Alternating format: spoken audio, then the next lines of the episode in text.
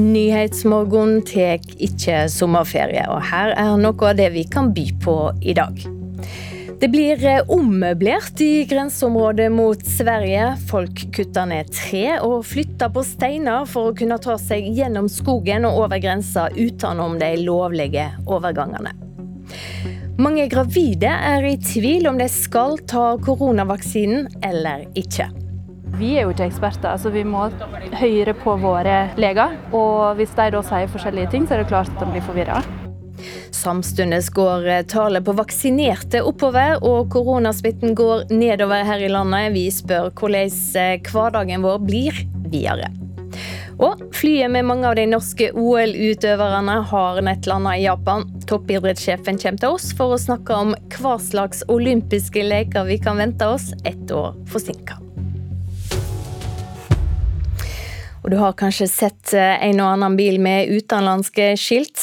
De ivrigste tyske turistene er tilbake for å feriere her i landet. I studio denne tirsdagen Silje Sande. Stengte grenseoverganger og strenge innreiseregler gjør at flere finner nye veier over grensa mot Sverige i håp om å ikke bli kontrollerte. Grunneiere og andre som bor i grenseområdet ser stadig unormal aktivitet i grensetraktene.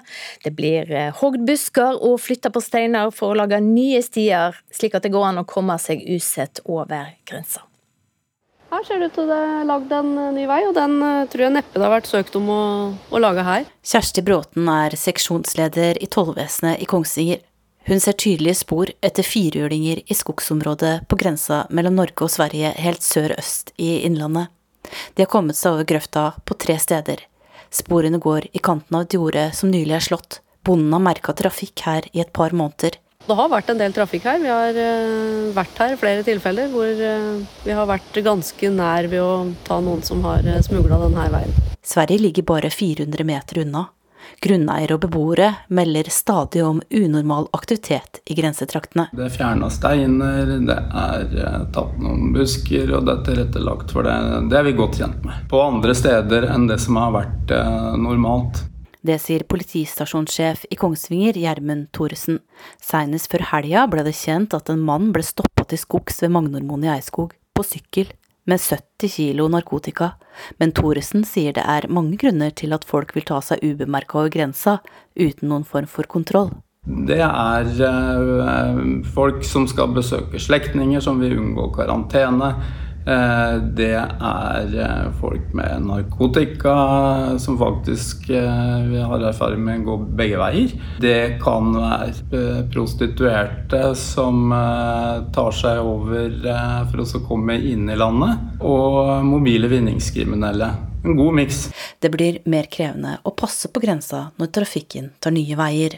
Ellers så framstår jo grensa litt som oss for, som en T-sil på sommeren når man kan ferdes i skogen og, og til fots og, og med motorsykler osv. Så, videre. så det er ingen lett jobb, det er det ikke. Men uh, vi gjør så godt vi kan. Og vi er på utrolig mange steder der det også ikke er veier. Det sa seksjonsleder i Tollvesenet Kjersti Bråten. Hun ble intervjua av reporter Ann Kristin Moe. Det er vanskelig å gi et klart råd til gravide kvinner om koronavaksinen, fordi det er lite vitenskapelig grunnlag på området. Det sier FHI-direktør Camilla Stoltenberg. FHI tilrår i dag vaksinering av gravide som er i risikogruppa, og av de som bor i områder der smittepresset er høyt. Gravide Maria Boer Johannessen i Oslo hadde lyst til å ta vaksinen, men sprikende råd gjorde at hun ble usikker. Jeg tror nok alltid at jeg ville det. Men til nærmere det kom at vi skulle få, så var det òg sånn Hm, men er det lurt? Maria Boer Johannessen er litt over tre måneder på vei. I mai åpna Folkehelseinstituttet for at også gravide uten underliggende sykdommer kan velge å ta koronavaksiner. På første svangerskapskontroll så spurte jeg rett og slett legen min, og han sa kontant ja. Men hva legen anbefaler, kan avhenge av hvem du går til. Mens Maria fikk ja, har andre gravide blitt råda til å vente. Vi er jo ikke eksperter, så vi må høre på våre leger. Og hvis de da sier forskjellige ting, så er det klart at de blir forvirra. Det har FHI-direktør Camilla Stoltenberg stor forståelse for. Ja, det er et problem. Og vi vil se nærmere på dette rådet som vi har gitt til gravide også. Stoltenberg sier at hun skjønner at det er frustrerende at det ikke gis ett tydelig råd. Men det er som sagt en utfordring at man ikke har den vitenskapelige dokumentasjonen for vaksinasjon av gravide som vi har for andre grupper. og Derfor er vi litt mer varsomme med å anbefale det så sterkt som vi gjør for andre grupper. Også i nabolandene varierer informasjonen. I Sverige blir alle gravide anbefalt å vaksinere seg etter uke tolv, mens i Danmark råder de friske personer til å vente til etter man er ferdig med å amme. Du vil ta best mulig avgjørelse, og når det da spriker med informasjon, så er det forvirrende. Maria landa til slutt på at hun ville ta vaksina. Når det stikket først var satt, så ble jeg ekstremt letta og kjente at tårene kom. Camilla Stoltenberg tror det er verre for friske gravide å bli koronasyk enn det å vaksinere seg. Men altså, vi har ikke den dokumentasjonen som vi har for andre grupper for gravide foreløpig. Det jobber vi for å skaffe. Reporter her Ingvild Silseth, og du kan lese mer om denne saka på nrk.no. Tallet på vaksinerte går jevnt og trutt oppover, smittenivået går nedover. Men hvordan blir hverdagen vår videre da? For å få svar på det, så har vi invitert deg, Sigrid Bratli, molekylærbiolog og rådgiver i Kreftforeningen, eh, hit til Nyhetsmorgen. God morgen. God morgen. Eh, hvordan kommer disse nye mutasjonene til å prege høsten? Jeg ser det som eh, ganske sannsynlig at eh, disse virusmutantene også kommer til å prege tiden framover utover høsten. Det er jo i tillegg til de variantene som allerede sirkulerer, bl.a. denne delta-varianten som er i ferd med å overta, stor sannsynlighet for at det vil komme nye varianter. og Det skyldes at det er veldig mye smitte, eh, og at det begynner å bli ganske tøft for viruset når vi blir immune. Ja, kan du forklare på en enkel måte hvordan viruset endrer seg eller utvikler seg i møte med vaksinerte enkeltpersoner og et stadig mer vaksinert folk? Ja, altså det er jo Når viruset skal formere seg at det muterer. Fordi det kan bli feil i arvestoffet til viruset når det skal gjennom kopimaskineriet i cellene våre. Eh, og Vanligvis vil jo ikke ha, sånne feil ha så mye å si, men innimellom så kan det gi viruset en fordel. Og da Særlig når det er masse antistoffer fra vårt immunsystem til stede, så vil mutanter som ikke gjenkjennes av de antistoffene, vil da få en fordel. Men det er viktig å huske på at selv om disse virusmutantene kanskje da kan smitte lettere og gjøre selv oss som er vaksinert eh, syke, så blir de færreste av oss alvorlig syke fordi vaksinene fortsatt vil gi en delvis beskyttelse. Så jeg er forholdsvis optimistisk for at vi kan leve eh, mer normalt enn vi har gjort tidligere, selv med mutanter i omløp, fordi vi tåler mer som befolkning. Så er det jo slik da at her i landet så takker de aller fleste ja til vaksine. Hva konsekvenser får det at andre land har eh, store grupper som, som ikke er vaksinerte? Eh, ja, det, det, jo, det, vil jo gjøre at denne pandemien vil trekke ut i tid. For selv om Norge da og en del andre land er ute av den mest kritiske fasen, så vil jo fortsatt store deler av verden henge etter. Eh, og da eh, er det jo umulig å spå hvor lenge denne pandemien da vil vare. Det, den er ikke over før den er over i hele verden. Kommer vi til å trenge en tredje dose av koronavaksinen? Det ser jeg som ganske sannsynlig. Eh, både fordi at eh, immuniteten daler litt over tid fra de vaksinene vi allerede har fått, og kanskje trenger en liten boost.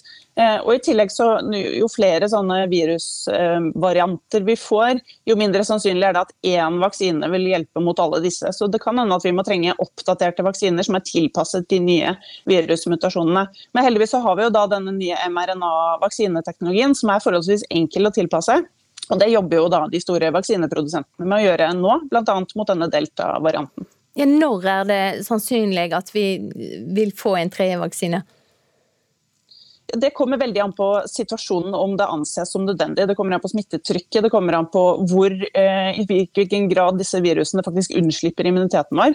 Så De jobber i hvert fall med å ha den klar, og så får myndighetene vurdere på hvilket tidspunkt det er hensiktsmessig å eventuelt gå inn med en tredje vaksine. Men jeg, jeg vil regne med at det kanskje skjer i løpet av 2022. Eh, covid kommer ikke til å gå bort, sier du. Hvordan kommer det til å bli eh, framover da? Eh, jeg og en del andre forskere spår jo at, her, eh, at eh, pandemien vil jo gå over på et tidspunkt, men at covid ikke vil gå bort. Det vil være sannsynlig at den vil føye seg inn i rekken av sånne virus som vi har sirkulerende i befolkningen, altså såkalt endemisk virus. Som vil kunne blusse opp i perioder, litt som sesonginfluensa. Og at det vil vi måtte leve med i mange, mange år. Og, eh, men som jeg sa tidligere, så er jo når vi som befolkning blir mer og mer immune, så vil vi også tåle det. Takk for at du var med her i Nyhetsmorgen, Sigrid Bratli. Så skal vi høre at flere advokatfirma merker større pågang enn før av familier som vil framskunde overføring av arv. De frykter at arveavgifta vil komme tilbake dersom det blir ei rød-grønn regjering til høsten. Vi har gjort det allerede. Del én for eh, tolv år siden, og del to for eh, ett år siden. Det sier tidligere hotelleier og eiendomsutvikler Arthur Buchardt til NRK. Han er en av mange som har fremskyndet et generasjonsskifte. Buchardt forteller til NRK at den siste overføringen ble fremskyndet for å slippe en potensiell arveavgift. Den siste delen var nok det, eh, men eh, hadde skjedd eh, innen rimelig kort tid uansett. Og Buchardt er ikke alene. NRK har vært i kontakt med Danske Bank samt advokater i Selmer, KPMG og Vikborg Rein, som alle merker økt pågang av kunder som ønsker å fremskynde et generasjonsskifte. Verdiene som flyttes på, varierer fra mellom 50 millioner til over 1 milliard norske kroner med den usikkerhet som eh, mange politikere skaper, og den eh, tanken noen politikere har til arveavgift, så eh, bør man være føre var. Arveavgiften ble avskaffet under Solberg-regjeringen i 2014, og man slipper dermed å betale avgift på arvet formue. Nå ønsker bl.a. Rødt og SV avgiften tilbake. Stortingsrepresentant i SV, Kari Elisabeth Kaski, ønsker avgiften velkommen det å gjeninnføre en skatt på de store formuene for å forhindre at formuen fortsetter å bli konsentrert på stadig færre hender, helt nødvendig. Samtidig er ikke alle enige om at avgiften skal gjeninnføres dersom det ender med rød-grønn valgseier i høst. Stortingsrepresentant i Ap, Nils Kristen Sandtrøen, mener at å gjeninnføre avgiften ikke er aktuelt. Nei, den eh, politiske enigheten eh, var brei eh, for å fjerne arveavgifta, og det er jo et flertall som fortsatt står seg. Partene virker dermed å være langt unna å komme til en felles løsning dersom det blir en rød-grønn regjering til høsten. Det må også være sånn at man må skatte når man arver store formuer, på samme måte som vanlige folk må skatte av lønnsinntekter som man får. Reporter Eirik Hegdal Evensen.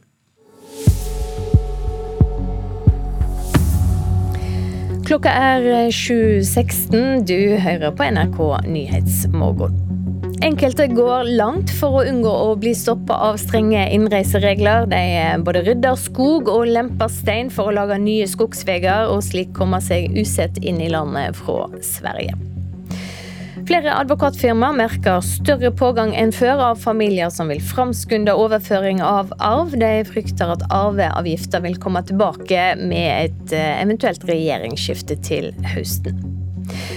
Og Straks skal vi høre at eh, på bare noen dager så mangedobler salet seg eh, for et tre år gammelt norsk mobilspill. Det har nemlig gått viralt på sosiale medier. Men først nå skal det handle om eh, Cuba. For eh, demonstrasjonene som starta i flere cubanske byer på søndag, var de største i landet på flere tiår. Presidenten på Cuba, Miguel Diaz Canel, skylder USA for å kvele Cuba økonomisk for å nøre opp under sosial uro. Med meg i studio nå, postdoktor ved Sosialantropologisk institutt ved Universitetet i Oslo, Ståle Wiig. Velkommen til Nyhetsmorgen. Hei, god morgen. Fortell, hvordan var disse demonstrasjonene?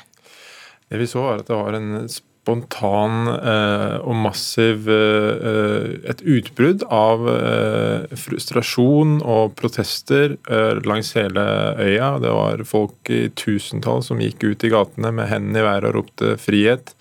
Det var gamle, unge, politibiler som ble veltet, og unge som gikk opp på politibilene med flagg i hendene. Det var prester som lot kirkeklokkene klinge og bar Maria-figurer ut på torgene. Så det var det var en spontan utløp for en frustrasjon som har, som har, bygget seg opp over egentlig 60 år.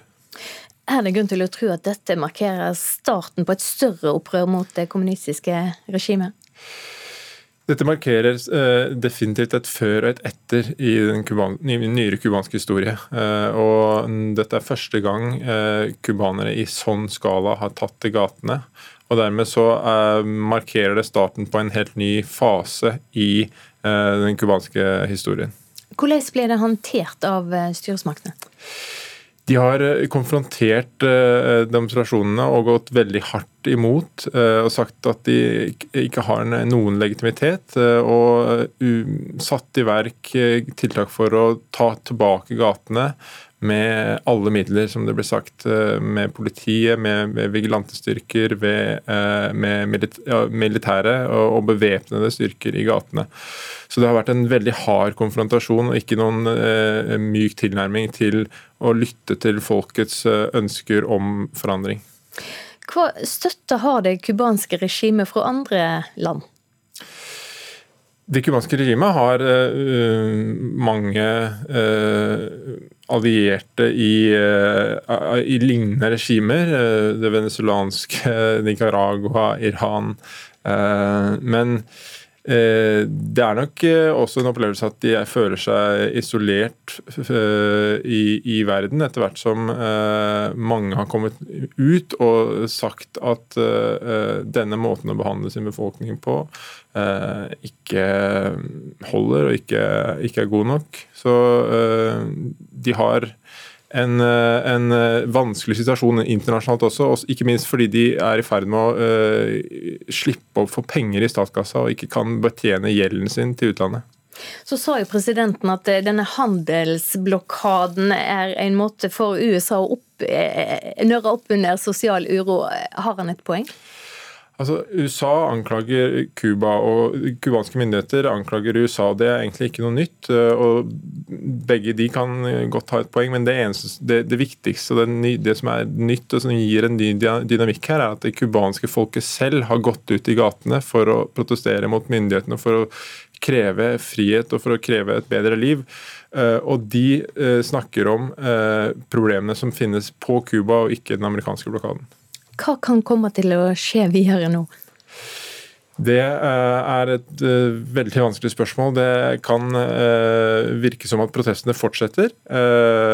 Samtidig som myndighetene har tatt tilbake gatene og stengt av store områder i byer, hovedfartsårer, store monumenter som er fullstendig militarisert. Eh, så i øyeblikket så kan det virke som at protestene fortsetter. Det er en slags stillingskrig mellom eh, sikkerhetsapparatet og eh, de som protesterer. Takk for at du kom hit til Nyhetsmorgen, Ståle Vig fra Universitetet i Oslo. På bare noen dager så mangedobla salet seg for et tre år gammelt norsk mobilspill. Det har nemlig gått viralt på sosiale medier og fått flere millioner visninger på TikTok. Lydene fra spillet My Child Lebensborn har de siste dagene blitt kjent for et helt nytt publikum. Spillet til Sarepto Games i Hamar fra 2018 har gitt lite inntekt i det siste, men det var fram til de startet kanal på TikTok. For et par dager siden så hadde det gått opp i ja, Vi tjente inn 60 000 på én dag. Så tenkte jeg det, det er bra. Det er kjekt. Um, så sjekket jeg tallene for i dag, og uh, i går tjente vi 1 millioner kroner på én dag. Jeg, jeg, vet, jeg, vet, ikke engang Åh, oh, Jesus Christ. Jeg er så satt ut. Grunnlegger Katarina Bøhler sier at 70 000 har kjøpt spillet daglig i det siste. Hun tror det var bra å unngå de vanlige TikTok-trendene. Så jeg tror det vi gjorde riktig, var å, var å fokusere på det vi så at folk ønsket å snakke om allerede. Istedenfor å prøve å, å, å, følge det som er uh, veldig typisk eller trendy innenfor TikTok. da. Spillet går ut på å ta vare på et foreldreløst Lebensborn-barn med tysk far og norsk mor i tiden like etter andre verdenskrig i Norge. Man må håndtere både gode og vonde opplevelser barna har i samfunnet, og sørge for at de får det bedre. Anette Kallevik ved Høgskolen Kristiania ser også at selskapet lykkes med utradisjonelt TikTok-innhold kan eh, nå ut til fryktelig mange uten å ha følgere i det hele tatt. Og Det er det som er så genialt her. Så Hvis du har et bra produkt, sånn som her, og du har et godt budskap, eh, noe som griper folk, så kommer du rett ut til dem. Kalvik ser spesielt at selskapet treffer helt nye og viktige publikum på TikTok. Det som er med TikTok og andre kanaler, er at nettopp dette menneskelige i det, og dette med å lære historie, gi rom for å nå andre målgrupper enn de som er typiske spillere. For Bøhler og Sarepto Games betyr suksessen at de får en enklere økonomisk hverdag. Altså det gjør jo at vi ikke trenger å hesitere når det kommer til å eh, ansette flere. Vi har jo og jobba med ok, kanskje vi skal få ansette noen da, og så kan vi vente litt før vi får ansette en ny person, for vi må finne ut om vi har råd. Og nå kan vi jo egentlig bare sette oss ned og, og planlegge ansettelsene og, og, komme i gang med, eh, med et større team også. Reporter her Tarjei Mo Batalden. 16 år gamle Sondre Hansen Kriken var sikker på at han ville komme inn på den videregående skolen på heimstaden i Førde på Vestlandet. Men slik ble det ikke trass i et nærskoleprinsipp og fire i snitt. Nei, jeg er veldig skuffa til det sto en feil på nettsida, så jeg må reloade sida for å være helt sikker.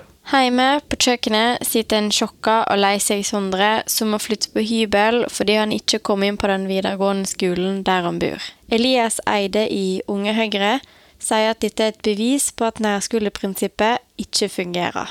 Det har iallfall ikke fungert sånn som Arbeiderpartiet og Senterpartiet lovde. For da lovde de at alle skulle komme inn på nærskolen. Det har jo ikke de gjort. Så jeg mener det at eh, det er fritt skolevalg som, som, som er tingen, og det har fungert godt i Sogn og Fjordane, og det har fungert godt i Vestland, og det burde vi fortsette med. Både Eide og Sondre vil at det skal bli oppretta ei ekstraklasse på Hafstad, slik at flere får førstevalget sitt. Men leder for Hovedutvalget for opplæring og kompetanse i Vestland fylkeskommune, Karianne Torvanger, sier at de ikke kan se på det før etter andreinntaket. For Da vil vi få bedre oversikt over om det er nødvendig å gjøre noen tiltak eller ikke. Men hun er ikke enig i at det er nærskoleprinsippet som er problemet her. Eh, når vi har innført nærskoleprinsippet, så er det fordi vi har hatt et ønske om at det ikke bare er karakterene som skal telle ved inntak til videregående opplæring. Trass i ulike politiske utspill så sitter fortsatt Sondre hjemme og er tatt litt på senga for å ikke ha kommet inn på nærskolen sin. Vi hadde jo ikke planlagt noe sånt. Hadde vi liksom visst at det var så høyt, så hadde vi i hvert fall planlagt lagt til rette at vi kanskje måtte flytte på hybel, men det er jo umulig for oss nesten å få tak i en god hybel. Fra neste år så blir det fritt skolevalg over hele landet. Reporter her Sunniva Grimstad Hestnes. En eh, person mista livet i en brann på en institusjon eh, ved Dokka i Innlandet i går kveld. 21 beboere og to ansatte måtte evakueres. Beboerne blir nå ivaretatt av eh, kommunalt kriseteam og ansatte. Og krimteknikere har jobba med undersøkelser på brannstedet i natt, og vil holde fram med dette arbeidet utover dagen. De tyske turistene er tilbake på ferie i Norge, og enkelte hytteutleiere har nå fullbooka til langt ut på høsten. Men trass i mer reiseaktivitet, koronakrisa i reiselivet kan ikke avblåses ennå, ifølge næringa sjøl. Den tyske storfamilien elsker å fiske i de norske fjordene, og endelig er de tilbake i sitt faste ferieland Peggy Blaurok har fiskelykka med seg. Ja, makrell. Tre stykk. Skjønne fisk. Skjønne fisk. Fra 14. juli og framover til oktober er det meste fullt. Bookingskjemaet er igjen fulgt opp med utenlandske turister for daglig leder Terje Mosnes ved Solvåg fjordferie på Fister i Ryfylke. 5.7 åpner grensene for store deler av Europa, og turister fra grønne land kan reise til Norge uten å gå i karantene. Ja, nå betyr det mye. endelig så får jeg noen penger inn òg, ikke bare utgifter. For det siste halvannet året har vært svært tøft for han som lever av å leie ut fjordhytter og fiskebåter. Jeg er overrasket at jeg er oppegående. Det går knallhardt. Også andre hytteutleiere merker nå pågangen fra tyskere og andre reiselystne utlendinger. Men mange avventer også norgesferien. Det sier reiselivssjef i Ryfylke, Liv Jorunn Kjelmeland. Status er at eh, de utenlandske gjestene avventer veldig. Eh, det har vært en del bookinger, men eh, de er kansellert. Sånn at dette er litt spesielt at vi opplever så mye tyskere samla på én plass. Det betyr at fiskeglade tyskere ikke er nok. Turistnæringa er fremdeles avhengige av nordmenn på norgesferie som i fjor. Hvis ikke de utenlandske kommer på høsten, så trenger vi utrolig drahjelp av lokale gjester og næringsliv til å bruke våre lokale bedrifter. Seks av ti reiselivsbedrifter tror omsetninga først vil komme tilbake til samme nivå som før pandemien ved utgangen av 2022 eller senere. Det kommer fram i NHO Reiseliv sin siste medlemsundersøking. Men hos Solvåg fjordferie har de alt nå fått napp på 90% av hyttene til starten av oktober. We love Norway. Ja, Det sa blide og fullvaksinerte tyske fisketurister til reporter Magnus Stokka. Gytegrus er kanskje et nytt ord for deg. I reportasjen etter Dagsnytt om vel ti minutter så kan du finne ut hva det er for noe. Sommer i P2. Som barn i Basra, Irak, så jeg gløden fra gassflammene i horisonten. Senere ble jeg oljegeolog og forelsket meg i Solfrid. Mitt navn er Farouk Al-Kasim, og i mitt Sommer i P2 forteller jeg min rolle i det norske oljeeventyret, og hva det har betydd for din lommebok. Sommer i P2 i dag klokka ni.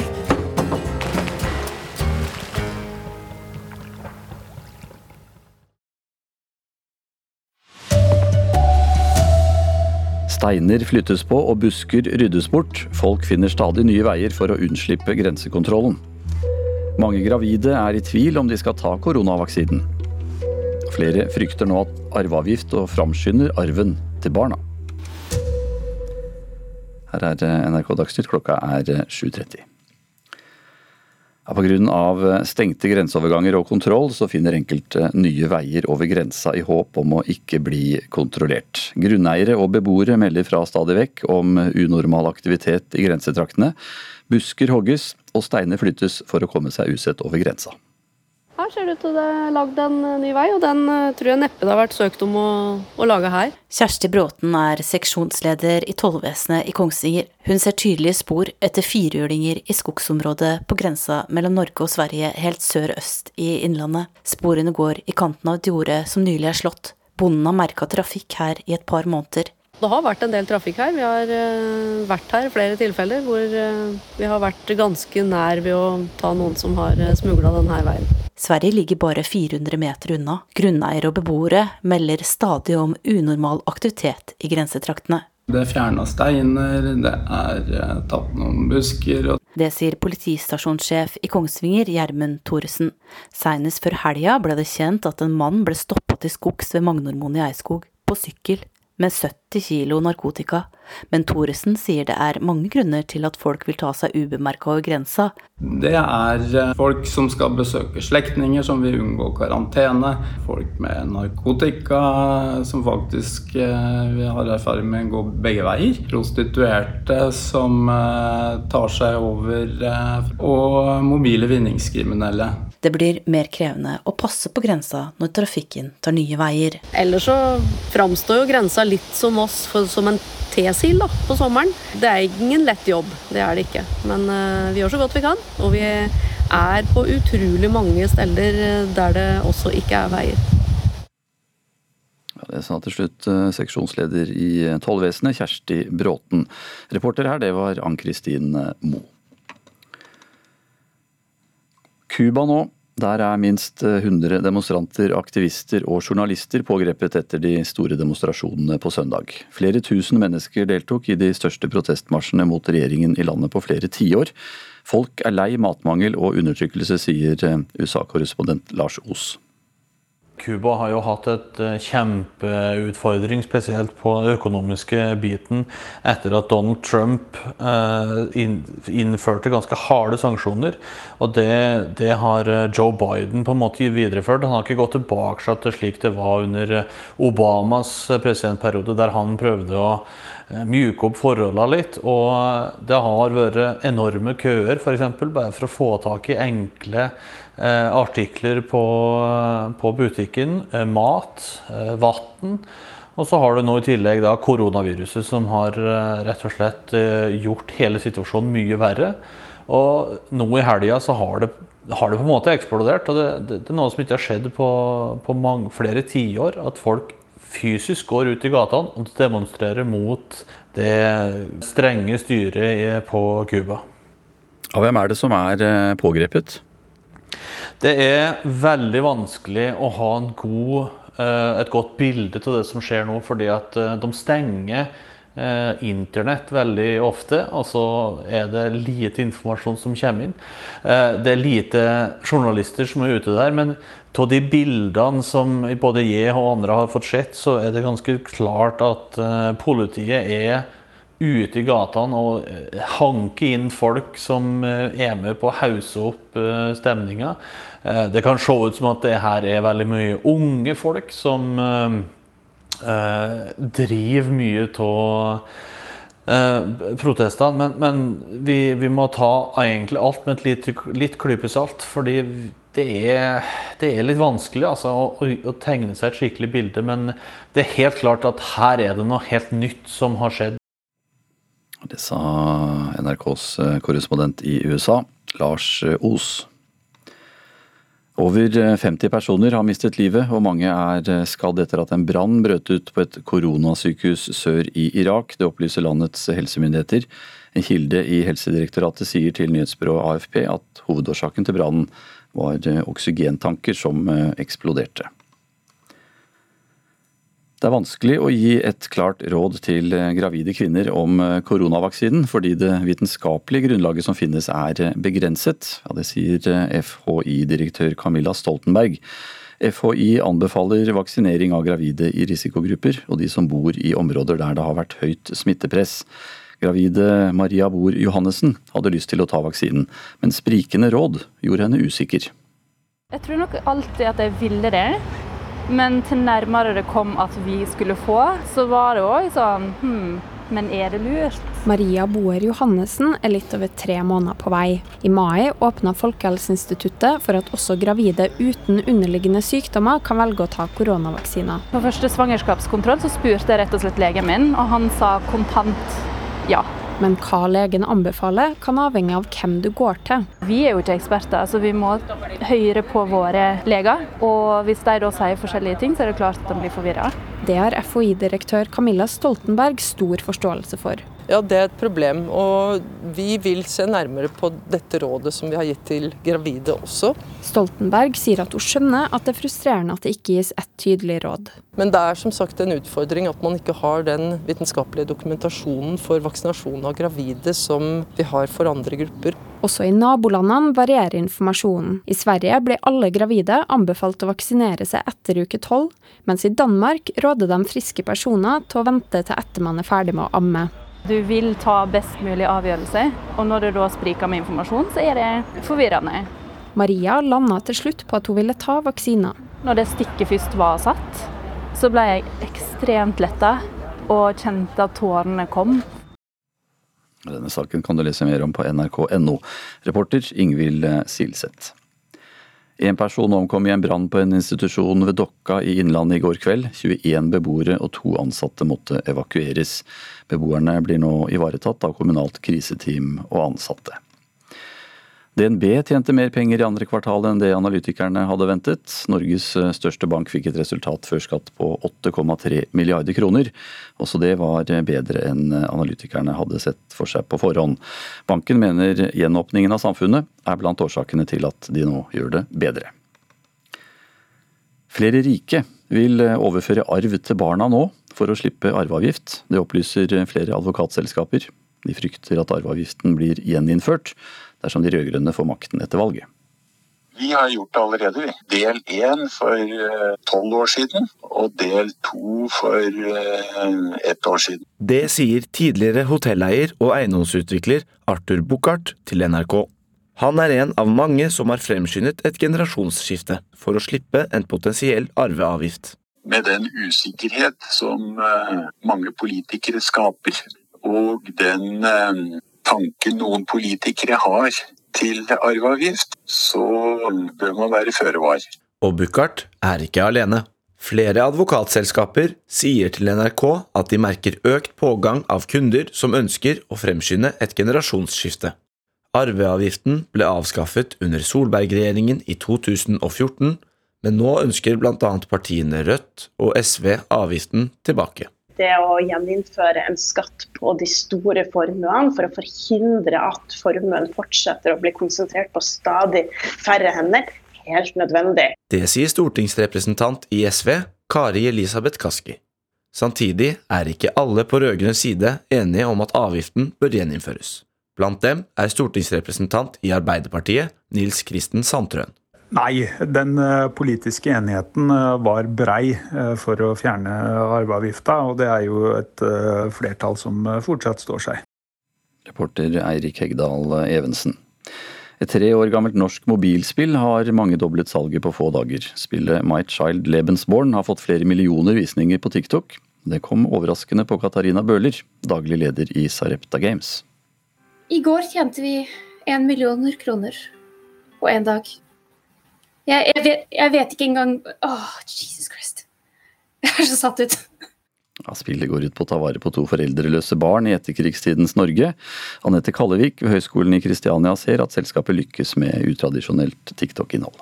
Kan eh, nå ut til fryktelig mange uten å ha følgere i det hele tatt. Og Det er det som er så genialt her. Så Hvis du har et bra produkt, sånn som her, og du har et godt budskap, eh, noe som griper folk, så kommer du rett ut til dem.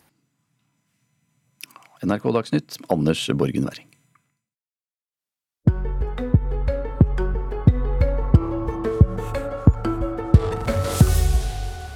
De siste åra er det sett ut mye fisk i Mjøsa og i tilstøtende vassdrag. Det kan få negative følger for den lokale stammen av aure.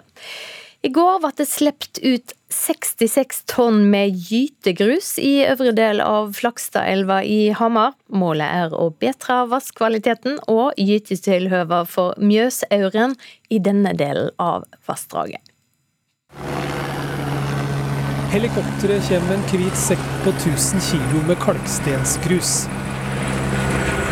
Rotorene lager så mye vind at det er vanskelig å holde balansen. Ja, det er 66 eh, tonn som fordeles nå på fire kjente gyteplasser som vi har her oppe. Sier Ole Nashaug i Vang jakt- og fiskeforening.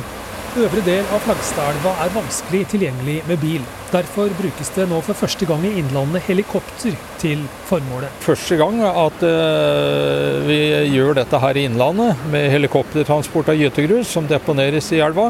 Tidligere har det gjort spredte forsøk å bruke traktor og spade og bære grusen på elva, men nå skjer dette i et helt annen målstokk, og da bruker vi helikopter. De siste åra har det vært mye utsetting av fisk i Mjøsa og tilstøtende vassdrag. Men det kan påvirke ørretstammen i Norges største innsjø negativt. Men av fisken som tas opp i Mjøsa, så er 30-40% utsatt fisk. Fra myndighetenes side så mener man at utsettinger det er egentlig kunstig pga. biologisk mangfold og genetiske forstyrrelser, fare for det, så skal vi bygge opp da de naturgitte forhold, og at det skal skje mer og mer på naturlig vis. Når helikopteret kommer, så skjærer vi hull i sekka under, og så venter vi til eh, grusen har døttetur, og så tar vi imot sekken når den blir hekta. Andreas Larsen er en av 20 frivillige fra Fiskeforeninga som står klare med kniver til å sprette opp sekkene så gytegrusen renner uti og nedover elva. Nå legger vi ut eh, kalkstengrus åt eh, ørreten, så får vi se om det blir bra fiske her om et par år. Det er Statsforvalteren i Innlandet, Miljødirektoratet og Norsk institutt for vannforskning som står bak. Og Hallgeir Henriksen, styreleder i Vang jakt- og fiskeforening, er fornøyd med oppslutninga for å bedre vannkvaliteten og gyteforholda for Mjøsørreten. Da var det litt julekvelden. og Vi fikk vite at vi fikk penger fra Statsforvalteren slash Miljødirektoratet, og etter hvert kunne klare å gjennomføre et sånt omfattende prosjekt. Da. Det er moro. Og den grusen, når den blir droppet, så vil den ha en naturlig avrenning, og så vil den legge seg der de eksisterende gyteplassene er fra før. Da optimalisere de gyteplassene til bedre forhold for Mjøsørreten. Flaggstadelva er en av flere viktige gyteelver for Mjøsøretten, forteller Ole Nåshaug. Så her er det registrert ca. 40 fisk med 20 minutters registreringer. Og Noen av disse vil da slippe seg ut i Mjøsa la oss si neste år, og bli da til stor Mjøsørret. Ved Puttsjøen treffer vi to gutter med sekker, sykler og fiskestenger, klare for fisketur med overnatting ved Flagstadelva. Jeg heter Johannes Adam Nærbø. Jeg heter Elias Holåsen. Og dere er eh, fisketurister nå. Ja. Eh, Hva syns dere om at eh, det kalkes i Flagstadelva, sånn at det skal bli mer fiske her? Nei, jeg tenker det er bra. I hvert fall for oss som er fiskere. da. Det gjør det jo mer gunstig for fisken å gyte i Flakselva. Ja, det blir jo fint. Det blir forhåpentligvis mer fisk, da. Bestyrer i Vang allmenning Magne Svenkerud sier det er viktig å legge til rette for friluftsliv og fiske på denne måten. Når de ønsker å sette i gang det prosjektet her, så er vi positive til det. Og vi er positive til at man, man klarer å øke ørretstammen i, i vassdragene i allmenninga. Når eh, kan vi se resultater, da?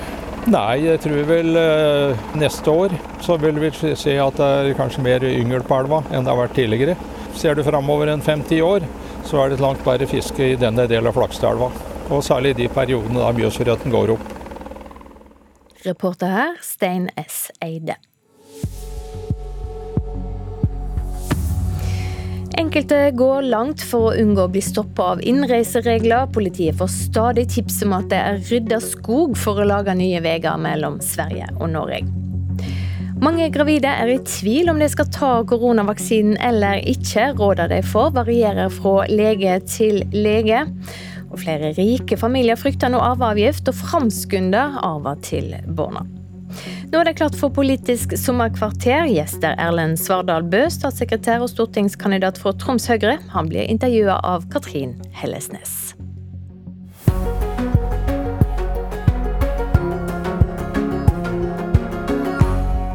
Erlend Svardal Bø, førstekandidat for Høyre i Troms, og akkurat ferdig som statssekretær i Helse- og omsorgsdepartementet. Hvem er din eh, favorittpolitiker på rød-grønn side? Det er mange politikere jeg liker på rød-grønn side, men eh, jeg har nok alltid sett opp til eh, Thorvald Stoltenberg før han gikk bort. Jeg syns han var en veldig tydelig stemme i ruspolitikken, og spesielt i den debatten vi har hatt nå i vår med, med rusreformen. Så han har jeg alltid sett, sett opp til som en rød-grønn politiker. Av de som fortsatt er blant oss, da, som fortsatt er aktive? Nei, altså Det er vanskelig å peke på, på én type politiker, men, men, jeg må nå si jeg syns Raymond Johansen er en tydelig rød-grønn stemme. Og vært igjennom koronakrisen òg, så, så jeg har nok litt sans for hans direkthet som, som politiker. Det har jeg. Hva er din absolutte favoritt-sommeraktivitet? Nei, det, det, er nok å gå fjellturer. Det liker jeg veldig godt. Og i Nord-Norge så har vi veldig mange fine fjell å gå på. Og så må jeg innrømme at jeg er glad å sitte ute på verandaen og sole meg litt og, og ta en liten, liten pils. Hva har vært det mest positive for deg under pandemien? Nei, Jeg har jo jobba som politisk rådgiver. Det gjorde jeg fra januar til juli i fjor. Så jeg var jo inne på en måte med, med starten av pandemien. Men det som har vært mest positivt for meg, er nok jeg har begynt å trene og spise litt mer sunt og sånne ting. Så Siden februar i år så har jeg gått ned 20 kilo. Så, det, så mens alle andre har gått opp under koronakrisen, så har jeg blitt litt lettere. Så det har vært positivt for min del under pandemien. Han er 28 år ung, men har rukket mer enn mange i politikken. Det begynte i Frp. Bare 14 år gammel ble Erlend Svardal Bø fylkesformann i FPU Sogn og Fjordane. Etter et par år fant han ut at Høyre var partiet for ham. Han kom etter hvert inn i Unge Høyres sentralstyre og ble generalsekretær. Og i Tromsø har han vært gruppeleder for Høyre i bystyret siden 2015. Og på utlån til Helse- og omsorgsdepartementet i to omganger. Vi møtes i Parken på Sankthanshaugen i Oslo og finner oss en benk i skyggen. Sola steiker, og flesteparten av de andre som har oppsøkt parken, ligger flatt ute i gressbakkene med atskillig lettere bekledning enn oss to. Hva er det viktigste velgerne bør vite om Erlend Svardal Bø?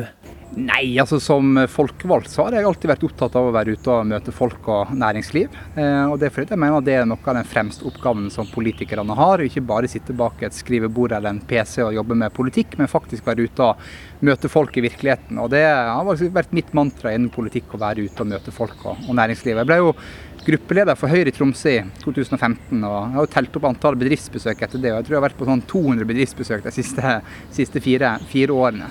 Hva er det som er så viktig med det? Hva er det som gjør deg annerledes som politiker når du møter folk på den måten? Nei, jeg tror det handler om, i hvert fall for min del, at jeg får veldig mye inspirasjon og energi av å møte folk. Eh, og å, Du får jo òg politiske ideer når du er ute og ser problemene ute i, i hverdagen til folk. og jeg, jeg tror folk må, eller politikere må være litt flinkere til å sette av tida til det. Ofte så tror jeg mange, mange politikere blir opptatt av hvordan komme seg på i media, og, og hvordan skrive forslag og leserinnlegg og sånne ting. Men det å faktisk sette seg tida til å, å være ute på besøk og oppsøke folk, det tror jeg er veldig viktig. Og Som politiker så har du ikke bare ansvar for ett saksområde, du skal jo ha se helheten i politikken. Eh, og Da tror jeg det er viktig å være ute og møte folk. Og så tror jeg òg at jeg er en handlekraftig kar, opptatt av å følge opp ting. Eh, ikke bare si at jeg skal gjøre det, men, men faktisk eh, følge opp med enten spørsmål eller politiske forslag eller sånne ting. Er det noe du vil at velgerne helst ikke skal vite om det? jeg kommer ikke på noe sånn på, på sparket, men nei, ikke sånn umiddelbart. Det gjør jeg ikke. Nei. Ingen svake sider? Jo, altså, jeg tror alle har litt svake sider. Jeg kan nok bli litt uh, utålmodig av og til. Og, og litt, for, uh, litt, for, mye energi. Men, uh, men, det kan jo både være en positiv ting og en ikke så veldig positiv ting. Hvorfor vil du på Stortinget? Jeg har jobba med, med, politikk veldig lenge. Og har lyst på Stortinget, for jeg tror det kan være med å utgjøre en, en forskjell. Og det er klart at Stortinget er høyest, eh, landets øverste institusjon for å bestemme ting og få gjennom eh, politikk og være med å gjøre en forskjell for eh, folk i sin hverdag. Så det er klart at det å kunne komme inn der og jobbe for de tingene som jeg har vært opptatt av, enten det handler om ruspolitikk eller næringspolitikk eller annen helse- og omsorgspolitikk, det, det, er i hvert fall for min, min, del en viktig motivasjon for å komme inn på Stortinget. For å kunne jobbe med de tingene som jeg òg er opptatt av, og som jeg òg tror folk òg er opptatt av i sin, sin hverdag. Men på hvilken måte skal du gjøre en forskjell? Du sa det selv, gjøre en mm. forskjell. Mm. Nei, det handler om som sagt, være ute og møte folk. Ta inn på en måte veldig mange av de perspektivene du får når du er ute på besøk og opp, oppsøker folk i sin, sin, hverdag. Jeg tror det er viktig å få litt de impulsene der. Eh, og så er jeg en veldig oppsøkende politiker som, eh, som er veldig tilgjengelig. Eh, opptatt av å komme i kontakt med, med folk. Og så kan en godt si at det er mange politikere som, eh, som er det, men, men, det er jo noen saker jeg brenner for mer enn andre ting, som ruspolitikk veldig skuffa over ikke rusreformen gikk eh, igjennom. Veldig opptatt av BPA. Eh, veldig opptatt av at vi skal sørge for at vi skaper mer og inkluderer flere i arbeidslivet. Eh, så jeg vil jo løfte opp de sakene som, som jeg har vært opptatt av lenge som, som politiker. Og få inn de perspektivene utenfra som jeg òg tror er, er viktige. Jeg tror ofte at folk kan tenke litt at politikerne er litt her oppe. Eh, mens egentlig så handler jo politikk om, om folk eh, og folk sin hverdag. og Det tror jeg er viktig at en har med seg som en motivasjon for å være på Stortinget, men òg for å være politiker. Du nevnte noen saker nå. Er det, er det disse sakene du brenner for?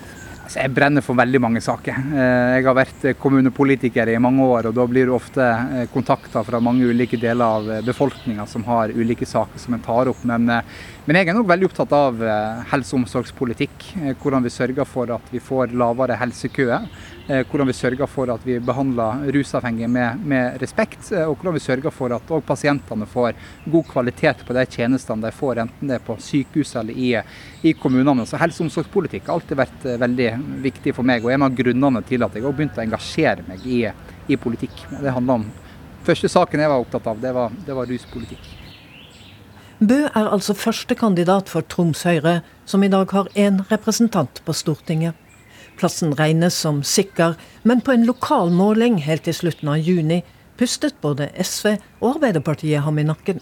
Bø trøster seg med bedre tall på andre målinger. Det er klart at det vil være variasjon på meningsmålinger, men jeg tror ikke vi skal gå rundt og deppe med hodet for vi får én dårlig meningsmåling. Så det er jo motivasjon for å fortsette å jobbe. Nei, du skal ikke deppe, men blir du som stortingskandidat likevel litt stressa når du ser disse målingene? Ja, det gjør en selvfølgelig. Eh, og Du blir jo mer opptatt av at eh, en må liksom levere og være flinkere til å forklare Høyre sin politikk, men òg vise skillelinjene i politikken. For jeg mener at eh, valget i høst er òg et retningsvalg i stor grad mellom på en måte rød-grønn side og borgerlig side. Så, så litt stressa blir jeg, men, men jeg vet òg at politikken går opp og ned, og vi får masse ulike meningsmålinger. Så du skal liksom ikke bare ta disse øyeblikksbildene, du må liksom se helheten i politikken. Og så er det klart at for meg som liker å være ute og møte folk og næringsliv, så har jo korona vært en begrensning for det. Og jeg tror at med en gang vi får satt i gang valgkampen nå og begynt å reise rundt, så, så får vi møtt flere folk og overbevist folk om at Høyre sin politikk er riktig for mitt valgdistrikt. Du har tidligere sagt noe i retning av at du skal representere Høyre, selvfølgelig. Men først og fremst folk fra ditt eget distrikt. Hva legger du i det? Nei, det legger jeg i at, eh, at, det er viktig på en måte at du selvfølgelig representerer partiet ditt. Jeg er med i Høyre fordi at eh, jeg tror på verdiene som Høyre står for, enten det er grenser for politikk, enkeltmennesker foran systemet. Eh, men det er òg viktig å huske på det valgdistriktet du velges inn ifra. At saker som folk er opptatt av i min valgkrets, må jeg òg være opptatt av å løfte fram. Så, så, det legger jeg i på en måte at først og fremst så er det en representant for folket, og selvfølgelig for, for partiet.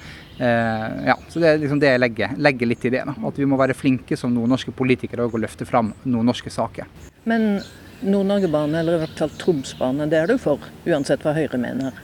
Jeg er for at vi skal ha mer jernbane i nord, ja. Eh, og det har jeg vært ute og sagt uh, tydelig. Uh, og det må jo òg være sånn i politikken at det må være takhøyde og innad i partiene for å ha ulike synspunkt på ting. Jeg tror at hvis du bare skal ha en sånn saueflokkmentalitet der alle skal være enige og ikke på en måte skille seg litt ut og innad i parti, så får du ikke det mangfoldet som du kanskje vil ha i de politiske meningene. Så det mener jeg må være takhøyde for i et parti. å være uenig i noen ting eller løfte noen ting høyere opp enn andre ting. Og det har jeg vært tydelig på når du kommer til med jernbane i nord, at det er en sak som jeg vil løfte opp og jobbe for. Høyre går inn for å konsekvensutrede olje- og gassvirksomhet i Lofoten, Vesterålen og Senja. Og du har tidligere uttalt deg mot oljeboring i disse områdene. Når du er mot oljeboring, er du da også mot konsekvensutredning? Jeg er jo for konsekvensutredning av Lofoten, Vesterålen og Senja. Det jeg har sagt er jo at eh, hvis en skal se på de politiske realitetene, så er ikke det flertall for konsekvensutredning i Lofoten, Vesterålen og Senja. Eh, og Da er jo spørsmålet hvor lenge på en måte en skal ha det som en, en sak i seg selv, eller om at også Høyre også må innse det at eh, det her blir utfordrende å på en måte eh, jobbe for. Eh, men jeg er for kunnskap. Jeg er for at vi skal kunne ha en konsekvensutredning som vi ikke har hatt siden jeg tror det er 1990, siste gang vi hadde en konsekvensutredning. Men det er klart at vi òg må jo innse litt sånn de politiske realitetene for å få, for å få det gjennom. da. Men Hva skal du bruke den konsekvensutredningen til, hvis du i utgangspunktet, som du er, er mot oljeboring? Nei, Det handler jo om å, å, se potensialet hvis det er mulig å ha olje- og gassutvinning i Lofoten, Vesterålen og Senja. Det er jo mye ny teknologi som gjør at det blir enklere f.eks. å hente opp olje og gass ut forbi Lofoten, Vesterålen og Senja. Så Det vil jo være en, et grunnlag for å gjøre den type eh, vurderinger. Eh, men det er òg derfor jeg har balansert litt på eh, det med konsekvensutredning. Rett og slett fordi at jeg i hvert fall for min del begynner å kanskje se at eh, det, det, det er ikke det er ikke et politisk flertall for å få det her gjennom på Stortinget etter at Arbeiderpartiet snudde i, i, den saken. Men da blir det sånn at du, da, hvis du er mm. skeptisk til dette, slipper litt unna for det at Høyre er for, men mm. det er ikke nok andre som er for, så det blir ikke noe likevel? Ja, det kan du godt si. Men, eh, men jeg er for en konsekvensutredning. det er jeg, Og så må vi se hva den konsekvensutredninga gir. Men nå er vi nok på vei over til andre energikilder som vi kan bruke i Norge. Eh, og Det er òg viktig å ta med seg inn i denne, den debatten. I et halvår fra januar i fjor var Erlend Svardal Bø vikar som politisk rådgiver i Helsedepartementet. Nå har han nettopp avsluttet et statssekretærvikariat samme sted. Fem uker med spesialansvar for korona. Hvordan har det vært? Nei, altså som sagt, Jeg var jo inne som politisk rådgiver i januar i fjor og tenkte at det skulle bli en grei tilværelse helt fram til vi kom til mars eh, og februar, når vi fikk en pandemi. Eh, og det er klart at det var en, eh, tror jeg, den største utfordringa jeg har møtt i, i mitt eh, relativt korte liv, 28 år. Og nå var jeg ferdig da i juli i fjor og kom tilbake som statssekretær nå i, i, juni. Så det er klart at det har jo vært utfordrende å håndtere koronakrisen. Men, men, det må jeg bare si at vi har virkelig klart oss godt i Norge. Vi har de laveste dødsfallene per million i Europa. Vi har lavt, laveste fall i BNP i, i verden. Eh, og nå er vi godt i gang med vaksinering av befolkninga òg. Så, så, jeg syns at den har håndtert det bra takket være at folk har stilt opp og fulgt tiltakene. Eh, men òg fordi den har hatt myndigheter som har klart å, å styre det på en, på en, god måte. Så det har vært veldig krevende. Det har det. Vi har sett eksempler også fra Troms og Finnmark på at folk over 60 med underliggende sykdommer venter på vaksine, mens mm. friske 18-åringer i Oslo blir vaksinert. Har du noen forståelse for de protestene som er kommet? Ja, det har jeg. Jeg skjønner at folk reagerer på den skjevfordelinga.